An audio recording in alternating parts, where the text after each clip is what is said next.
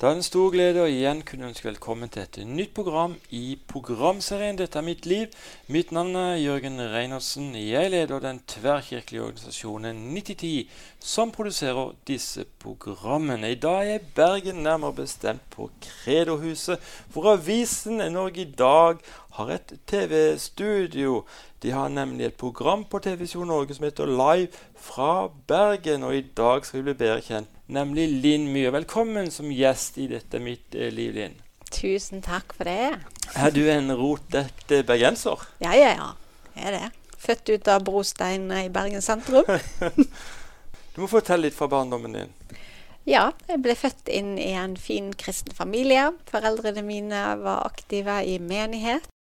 Eh, og i, når jeg var fem år gammel, så flyttet de til Arna, som er òg i Bergen, men på andre siden av Ulriksfjellet. Eh, for der var de med å plante en menighet når jeg var fem år, da. Eh, så det var begynnelsen på mitt liv. En søster, så vi var fire stykker i familien. Eh, og gikk eh, på barneskole på Odnamarka i Arna. Så det var en fine, gode år. Eh, ja, kristen familie betød det at du måtte være med mye på møter, eller? Ja, ja, ja. Og det trivdes du med? Ja, jeg ja. gjorde det. Gikk på barneforening, het det. Så det var veldig gøy. Og etter hvert var jeg innom speider og liksom juniorklubber og sånne ting gjennom barneårene. Kor var det òg. Så det var fint. Lyktes du på skolen? Ja, det gjorde jeg. Det gjorde jeg absolutt. Eh, det var Ja, hadde gode Barneskolen er som en sånn Det er en sånn rosa sky for meg. Det var nydelige år. ja. Så herlig. Og også ungdomstida var bra, da? Ungdomstiden var bra. Det var mer eh, krevende. Eh, jeg hadde ikke noe sånn eh, utad opprør eller noe sånt, men innvendig så var det ganske slitsomt. og det er det nok mange ungdommer som opplever. Så det å eh, det å finne seg sjøl og sammenligne seg med andre og bli trygg på utviklingen av den man er, og alt det der var litt trøblete og slitsomt. Da. Sånn som det er for mange. Eh, men i den tiden så eh, opplevde jeg å bli åndsdøpt. Som var en opplevelse i en menighet i Frikirken i Bergen. Det var en møteserie der. Og jeg gikk frem til forbønn og ble bedt for. Eh, og opplevde en fylde av Den hellige ånd som jeg ikke hadde opplevd før. Og det var en sånn varme og glede som fylte meg på innsiden av livet. Eh, og det endret ungdomstiden min. Og det var et sånt vendepunkt eh, der jeg kjente at jeg var elsket av Gud. Eh, og det ga meg en veldig frimodighet i troen på Jesus. Så da tok jeg en sånn dongerivest som jeg hadde, og så tusjet jeg 'Jesus er Herre' på baksiden av den, og hadde Bibelen på pulten min i klasserommet, og var ivrig på bønnemøter på skolen, og eh, ja, kastet meg i all slags lederarbeid for ungdom i ungdomsårene, da. Så det var herlig. Det snudde på en måte den krevende tiden. Den forandret seg når jeg fikk et ordentlig personlig møte med Jesus. Nå skal vi ikke forskuttere da så mye, men uh, har du den samme brannen enda? Ja, den er der. Uh, og den er Ja, jeg tror det står noe om at det, han, Herren er nidskjær for den ånden som han lar bo i oss. Og sånn føles det. At hvis jeg, hvis jeg siger litt på siden, så drar han meg inn igjen. Så henter han meg tilbake. Uh, så det er veldig godt. Nydelig. Du traff din eh, mann Kjell Martin ganske så tidlig i livet. Kan du fortelle om det aller første møtet? Oi, ja. Jeg ble først kjent med søsteren hans. Og hun og en annen venninne tok meg med på et tensingkor i Arna kirke.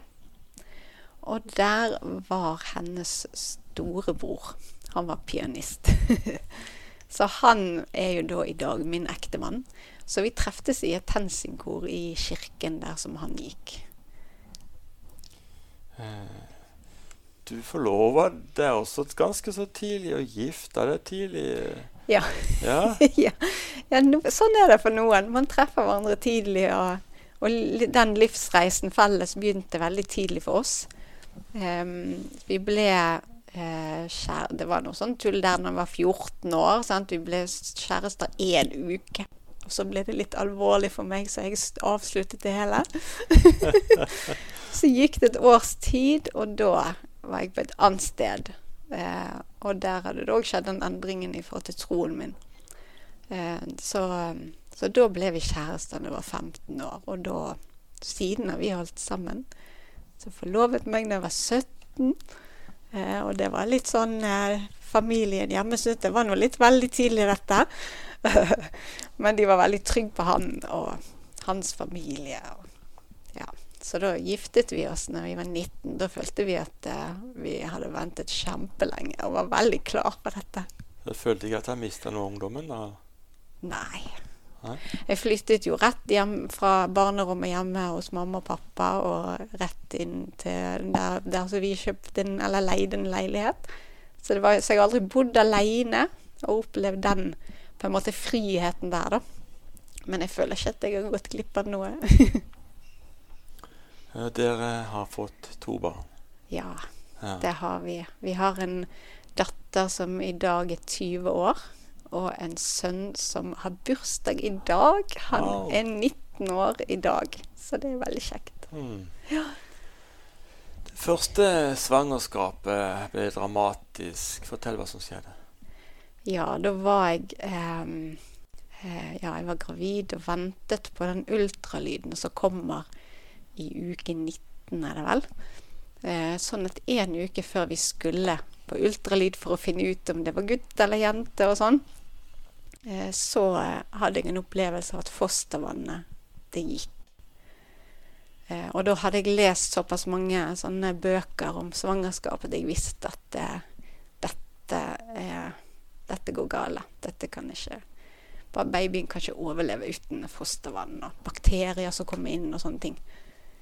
Eh, så med en gang det skjedde, så la jeg meg ned på badegulvet. Eh, og vi ringte rett til sykehuset. Eh, og min mann fikk beskjed om å bære meg vannrett ut i bilen og kjøre meg til kvinneklinikken.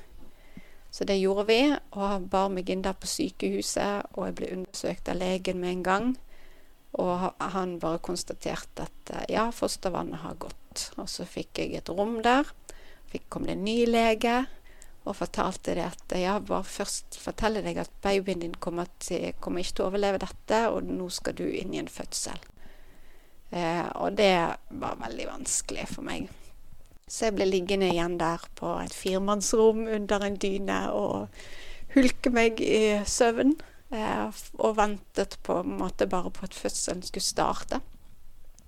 Og i den eh, prosessen så var det mange mennesker som begynte å be. Og dette var nyttårsaften eh, t- eh, 2000. Det er over til millenniumsskiftet. Så da, da var det mange kristne som var samlet rundt i menigheter og hadde ja, feiringer rundt forbi. Så de, eh, de spredte seg veldig fort, sånne bønnemeldinger rundt om til, fra menighet til menighet, og fra, la, fra by til by rundt i Norge, og i, til venner vi har i utlandet. Så det var veldig, veldig mange som ba eh, til Gud for babyen vår. Um, og når jeg lå der under den dynen på sykehuset på natten, så kunne jeg kjenne babyen beveget seg i magen. Selv om magen var blitt helt flat, og det var en liten sånn hump på magen. Eh, så, så jeg hadde på en måte en, en, et håp. Eh, samtidig som jeg kjempet med realiteten sant, av fakta. At en baby kan ikke overleve det når den er så liten. Så det var en veldig krevende opplevelse. Eh, fødselen den begynte ikke. Eh, og jeg fikk beskjed om å gå hjem og bevege meg for å få i gang rier. Eh, så natt til eh, nyttårsaften, da, natt til 1. januar i 2020, så Nei, 2000 blir det. Så eh, så så vi på magen at den vokste opp igjen. Den Mm. fyltes opp igjen av fostervann i løpet av den kvelden. Så dagen etter var vi tilbake på sykehuset for, eh, for å sette i gang fødselen. Og så tar legen det en ny lege igjen sant, og tar en ultralydundersøkelse og sier at her er alt normalt. Her er ingenting som ikke er sånn som det skal være. Her er nok fostervann. og Her ser ikke ut som har skjedd noen ting. Eh, så det var helt fantastisk. Og da reiste vi hjem derfra. Det ble stående igjen et svært spørsmålstegn i journalen min. Eh, og ingen kan forklare hva som skjedde, selv om vi kjenner oss veldig trygge på at det, eh, at det var Herren som grep inn. Rett og slett et mirakel. Ja, det var det. Og det, ja. For det går ikke an sånn fysisk. Det går ikke an og at magen Ja, at, for dette kommer bakterier og alt sånne ting. Så det var fantastisk. Så nydelig. ja. Eh, Hva gjorde du etter grunnskolen? Oi. Ja, da gikk jeg på Danielsen videregående skole. Um, og eh, ja. Det er en kristen Det er en kristen videregående skole i Bergen sentrum. Uh, så det var fine år. Der gikk jeg òg bl.a. i parallellklasse med Bjarte Ystebø, som jeg i dag jobber med. Mm. Uh, vi hadde ikke noe særlig med hverandre å gjøre, sånn annet enn at vi var på samme trinn. Ja, for det var han som ringte til deg her når du skulle starte Det var det. Ja. Ja, han er eh, redaktør i Norge i dag. Eh, så han, eh, han var som tok kontakt med meg da i forhold til å starte opp TV-program. Mm. Ja. Hva så da- tenkte du da? Oi. ja, det var jo Jeg syns det var et veldig stort spørsmål å få. Jeg følte meg beæret. Og samtidig så var det kjempeskummelt. For jeg hadde ikke vært borti noe sånt tidligere. Em, men um, ja. Jeg syns jo aller mest syns jeg det var veldig spennende. Mm. Mm. Så du tok steg ut. Jeg gjorde jo det. Eh, og, men det var Jeg måtte ha meg eh, noen runder i bønn og snakke med Jesus om dette her. eh, Om det var det som var hans plan for mitt liv. Det er viktig. ja, det var det. Du hører på programserien 'Dette er mitt liv'. Mitt navn er Jørgen Reinertsen. I dag er jeg i Bergen. Og jeg sitter her med Linn Myhr, som også er programleder i Direkte fra Bergen, som er en programserie som går på TV Visjon Norge. For noen år siden så reiste dere til London for å gå på bibelskole sammen med to barn. Hva var det som fikk dere til å gjøre akkurat det? Ja, det var eh, en eller, ja, det var en lengsel etter å komme mer inn i det Gud hadde for vårt liv og vår tjeneste. Eh, vi hadde vært veldig aktive i mange år i menighetsarbeid. Og min mann var ungdomspastor i Arna misjonsmenighet. Eh, og så kjente vi på at nå var tiden inne for å gå videre i tjenesten. Så vi reiste på, eh, til London til Ictus Christian Fellowship sin bibelskole. Den er ledet av Roger Forster, som var den mannen som startet Jesusmarsjen. Som gikk fra by til by, fra land til land, over hele verden eh, i den tiden. Ja, eller tid, det var litt tidligere, men i hvert fall så var det den bibelskolen vi reiste til. Eh, og det var en bibelskole for menighetsplantere og menighetsledere. Så der fikk vi veldig god bibelundervisning og trening på det å dele evangeliet. Og ja, det var et veldig godt år. Du snakker om uh, menighetsplanting. Er det sånn at dere hadde tanker om å starte menigheter? Eh, ja, vi hadde det. Eh, vi reiste bort med det i bakhodet. Em, og plante, vi ønsket å plante menighet på et område eh, i lokalsamfunnet vårt. Em, ja, så det lå der når vi reiste. Når eh, du var der i London, så var det noen som sa noe til deg, en setning som slo litt rot i ditt hjerte. Du må fortelle. Ja, da hadde jeg eh, to små barn. Jeg hadde de oppi en sånn dobbeltvogn, fordi de var så tett i alder. Em, så sto jeg på, på undergrunnsstasjonen der i London et sted, og så kommer det et helt fremmed menneske bort til meg og sier rett opp i ansiktet mitt at eh, du er altfor ung til å være mor. Og med en gang så bare fnyste jeg av det, snudde meg vekk og kunne kjenne, jeg kunne kjenne på gufsen av at det var vel, det var ikke noe godt å høre. Eh, Men det som skjedde, som jeg ikke var helt klar over med en gang Men det, det som skjedde, var at det festet seg. Det var en sånn pil fra, fra fienden som festet seg i mitt sinn eh, og gjorde noe med selvbildet mitt. Og egentlig kjørte meg litt ut i grøften i forhold til eh, hvordan jeg så på meg sjøl.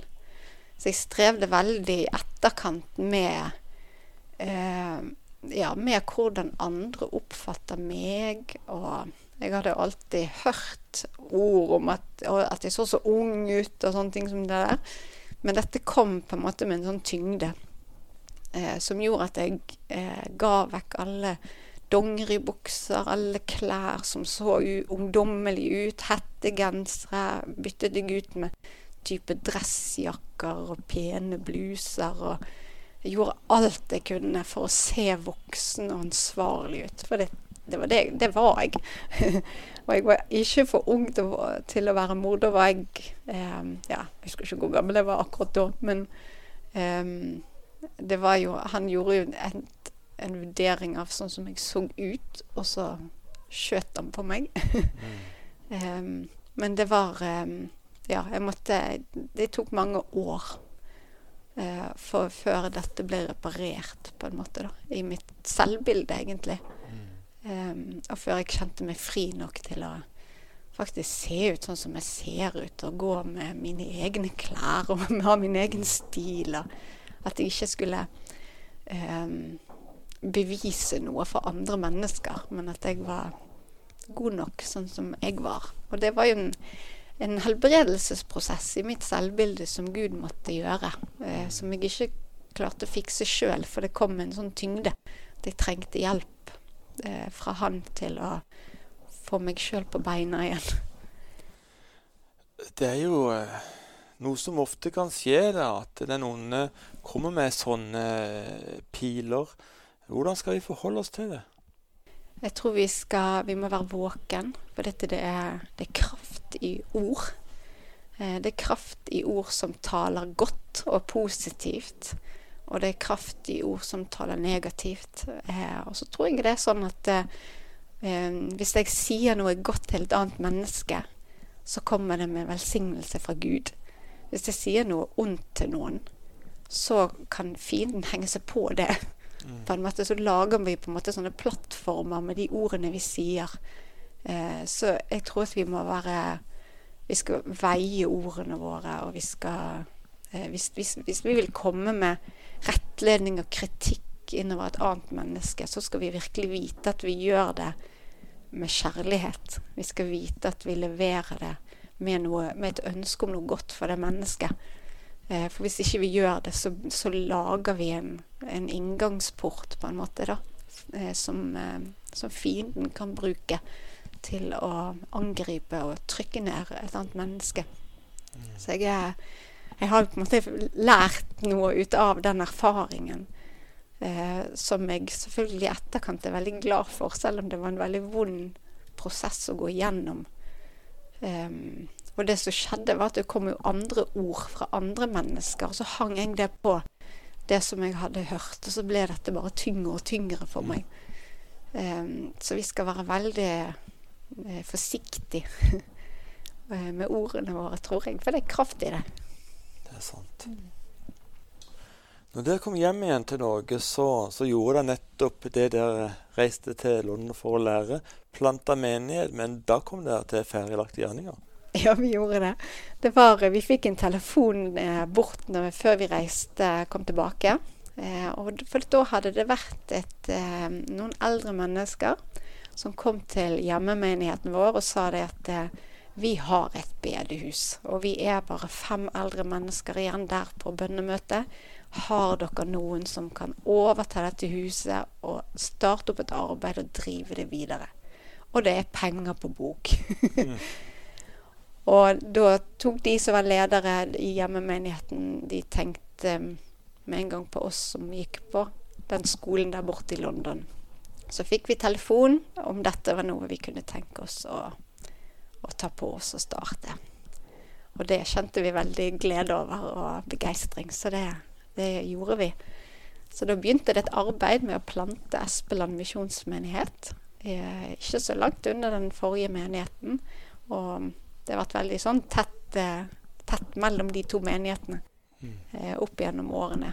Så da var det min mann som ledet det arbeidet som pastor, og så var vi et godt team rundt der.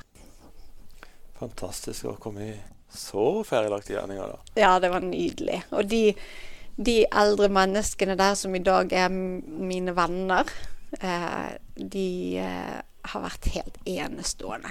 Det å gi på en måte bygning og eh, ja, bankboken eh, og på en måte hele ansvaret over i, i, våre hender, det står det respekt av. Og de har sett på at vi har pusset opp huset, vi har fornyet, vi har fjernet den store talestolen og satt inn eh, helt andre ting sånn som de ikke har hatt det før.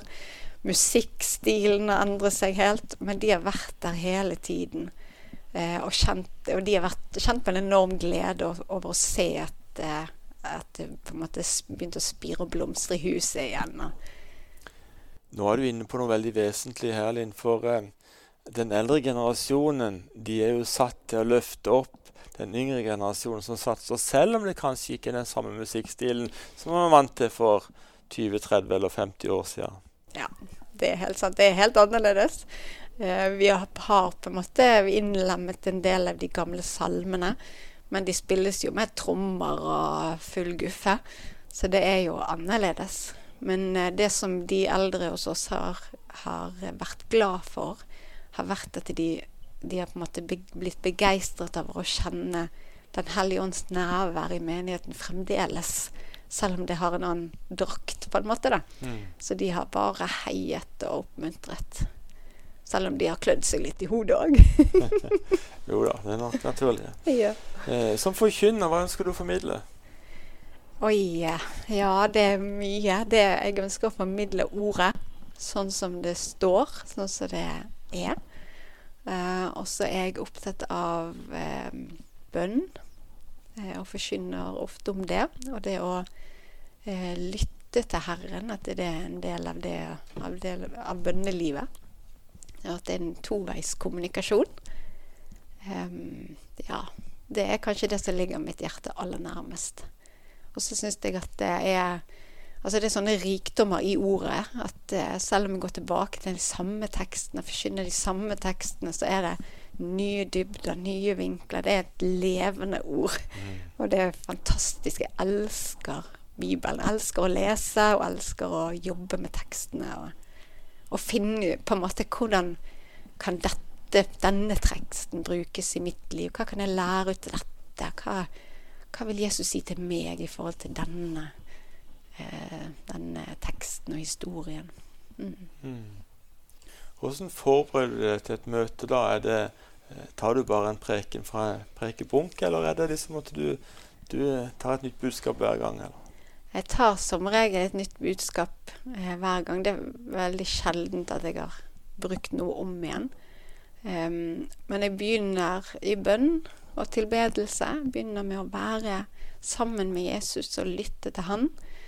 Eh, og så Eh, er det som om Den hellige ånd leder inn på et eller annet som ja, at jeg skjønner at oi, her er det noen ting. Her er det noen nye dybder som skal fram. Mm. Eh, ja, så sånn er det jeg, eh, jeg går fram. Hvis jeg ikke får en tekst i forkant, da. Det hender jo. Mm, mm. Du lytter på programserien 'Dette er mitt liv'. Mitt navn er Jørgen Reinersen, i dag i Bergen.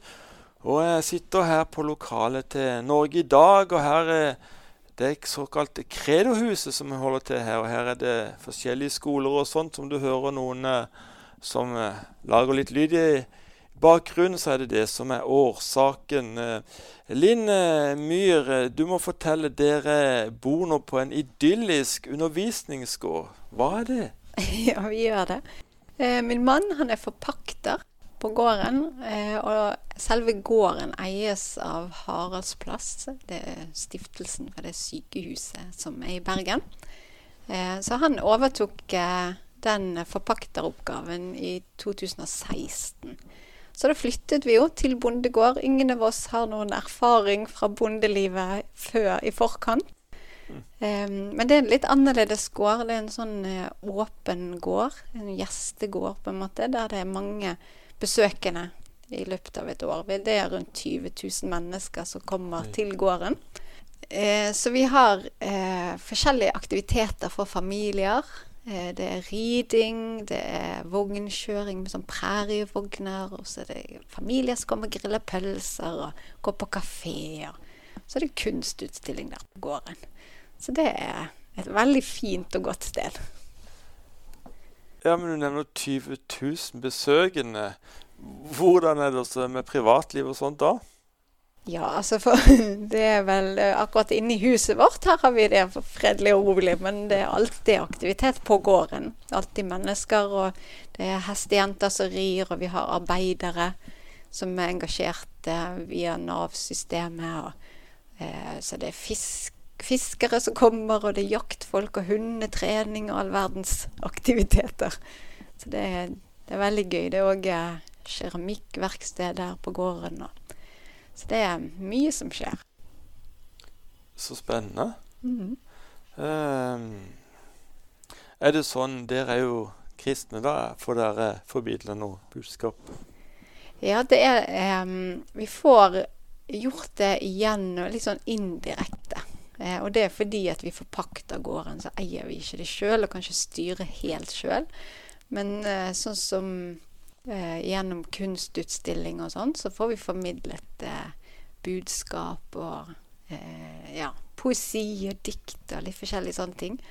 Og så har vi jo eh, sånn privat så har vi jo eh, arrangementer, på en måte, eller ting tilknyttet menigheten vår, sånne ting på gården, da. Ja, da var vi til neste punkt her. Eh, av mine punkter. Eh, du er jo kunstmaler. Ja. hvordan oppstod den interessen? Den oppsto når jeg fikk en pause i Jeg, hadde, jeg arbeidet som beredskapsmor og tok vare på barn for uh, Bufetat. Eh, sånne akuttplasseringer av barn.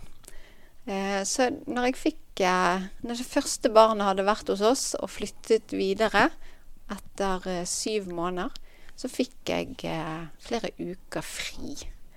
Eh, og da var jeg veldig på hugget i bønn for å spørre Herren hva skal jeg bruke denne fritiden til. Og jeg tenkte på sånne ting som det å starte opp alfakurs og det å starte opp noen samlinger for småbarnsmødre som var hjemme på formiddagen i menigheten.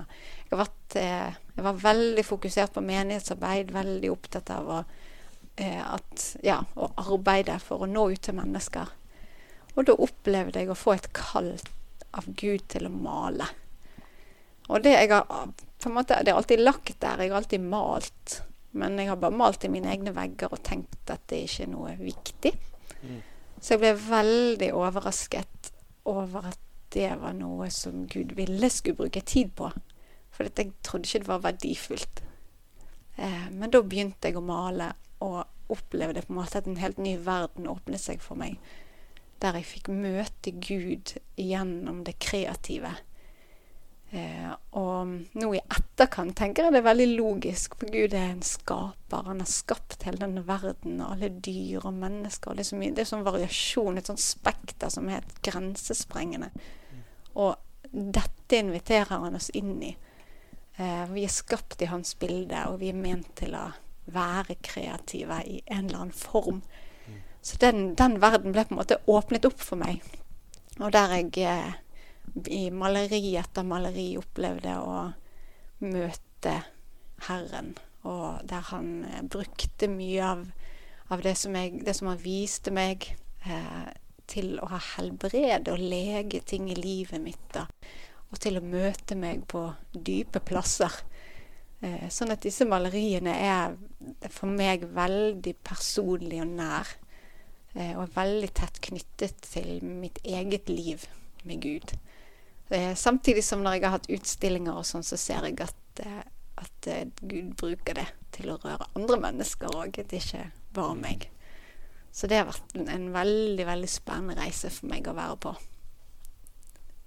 Jeg blir veldig frista til å spørre hvordan kommer et maleri til det, holdt jeg på å si. Hvordan kommer første streken? det kommer i bønn. Eh, og eh, det er gjerne mellom eh, Altså når jeg er i bønn, så taler Gud til meg. Det står i Salme 78 at eh, Gud vil, taler i bilder. At han vil la bilder og gåter strømme fram, står det. Og det syns jeg er veldig spennende. Og sånn opplever jeg at det er. At det er ut ifra bønnen og livet med Han, så dukker det opp noen bilder for seg for fra mitt indre øye. Eh, og så vil jeg se det. Så har jeg lyst til å bringe det til, til syne. Så maler jeg det som jeg ser. Selger du disse maleriene også? Ja, jeg gjør det. det ikke, jeg har ikke noe veldig fokus på det. Og ikke, jeg er ikke så veldig god på å promotere og sånne ting. Men eh, jeg gjør det. Og folk tar kontakt. Og en eller annen gang når jeg har utstilling, så selger jeg litt. Så det, men det er ikke det som er hovedagendaen min. Nei, du ønsker å formidle. Ja, sant? og det er òg ja, det er en viktig del av mitt eget personlige liv med Gud. Du er også leder for noe som heter Bønn for alle. Hva er det? Bønn for alle er en uh, organisasjon som eh, ber for alle mennesker i hele Norge. Og vi har en sånn eh, Bønn for alle-aksjon hver oktober. Eh, der vi tar for oss alle menneskene i Norge. Og tidligere så var Bønn for alle organisert sånn at de som var med, de mottok eh, navnelister i postkassen. Der de skulle be for eh, navn, navn etter navn på adresse etter adresse. Sånn at alle menneskene i hele Norge ble nevnt ved navn. Wow. Eh, men så kom det restriksjoner på det som har med personvern å gjøre, som gjorde at vi ikke kunne fortsette det på den måten. Så nå er det organisert litt annerledes. Nå er det organisert på en måte litt etter ja, sånn som samfunnet er bygd opp. Og, så vi ber for familien og ber for med alle menigheter i Norge og alle, alle slags organisasjoner og politiske partier og kongehus og hæren og brannvesenet og alt. Dekker vi alle tingene, alle menneskene i landet vårt gjennom hele oktober. Så da har vi daglige bønnesendinger. Um, og i år, i, nå i oktober, så reiste jeg til alle fylkene i Norge. eh, og ba og velsignet hvert fylke. Og ledet på en måte det bønnearbeidet som, som alle som var med i Bønn for alle, var med å delta i. da. Mm. Var det viktig for deg å være til stede? Ja. Ja. Det er noe med nærheten til de stedene vi ber for. Akkurat som når vi ber for et menneske, så er det Så sier Bibelen vi skal, kan legge hånd på noen og be for dem. Så er det, det er det egentlig det samme. Nærhet til de geografiske stedene man ber for å velsigne. Det høres ut til å være veldig mye eh, organisatorisk. Her eh, er det en stor, eh, stor organisasjon, eller? Nei da, det er ikke det. Det er jeg som er daglig leder, og så har jeg et styre bak meg. Eh, og så bæres det på en måte av Norge i dag. Så ja, så det er en del av arbeidet mitt, en del av stillingen min er dette. Men eh, du er gift og mor til to, menighetsplanter, forkynner, TV-vert, leder for Bønn for alle og kunstner. Eh, Hvordan strekker dagene til? Det går ganske fint, faktisk. Jeg, jeg føler ikke at jeg er en sånn veldig travel. Jeg er, jeg er et rolig menneske, så jeg haster sjeldent. Eh, eh, og så tar jeg eh, Ja, så må vi gjøre én ting om gangen. Og så nå har barna har flyttet ut. En eh, går på internatskole, en annen eh, studerer. Eh, sånn at dagen er jo blitt mye mer eh, eh, Det er mye mer, mange flere timer. Eh, og ja, til å være engasjert. Da. Det er klart jeg maler mye mindre enn det jeg gjorde tidligere når jeg malte på heltid. Så nå blir det nå og da, når det faller seg sånn. Eh, Det er vel kanskje mange som kjenner igjen etter at du er blitt et kjent eh, TV-fjes. Hvordan syns du det er? Det går veldig fint. Folk er veldig hyggelige.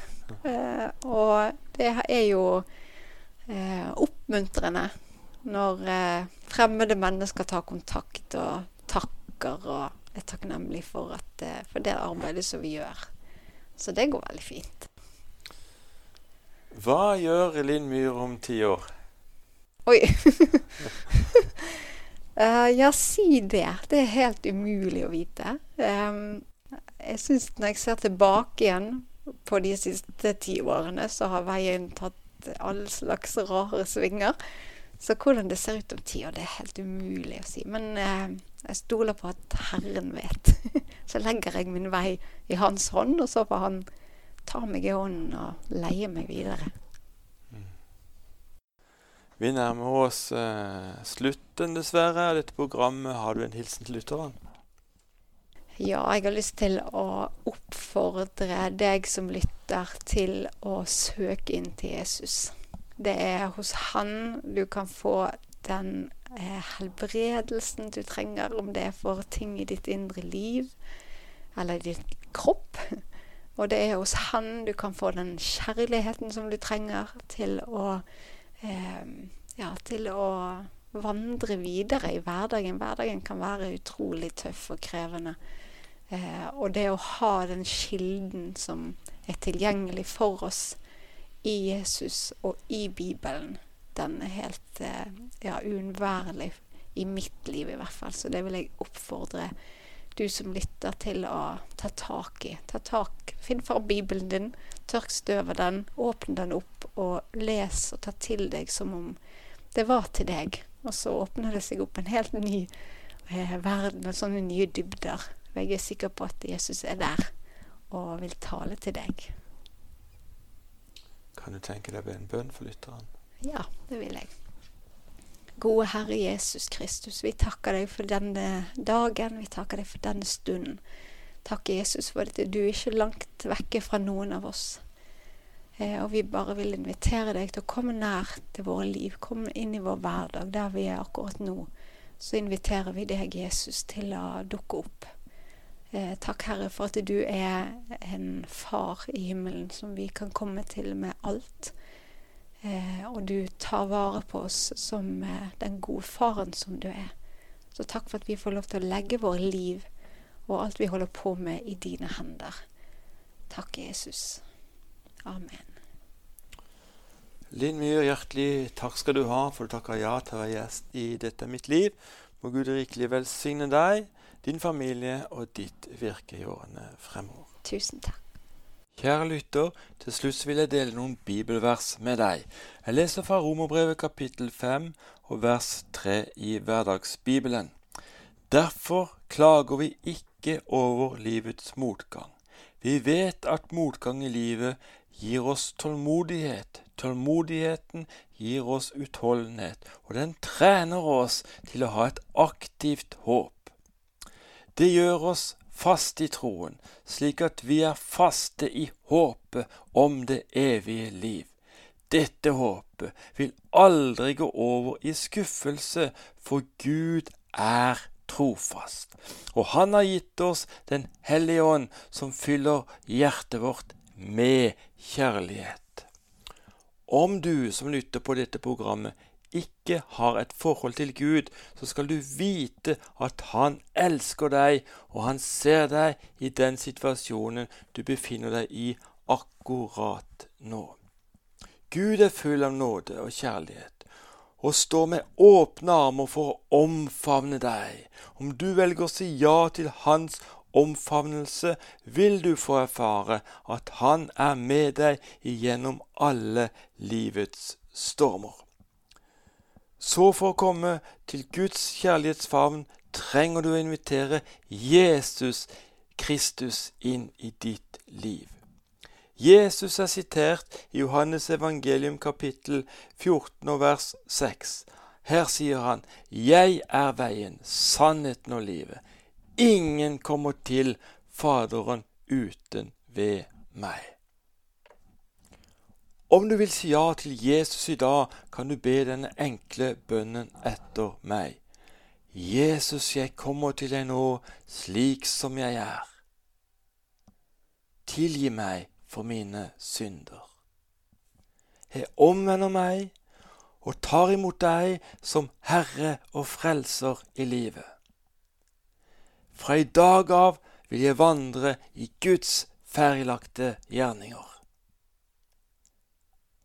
Takk at jeg kan kalles et Guds barn fordi ditt ord sier det. Vi vil svært gjerne komme i kontakt med deg som ba denne bønnen, slik at vi kan få sendt deg et Nytestamente og litt annen litteratur.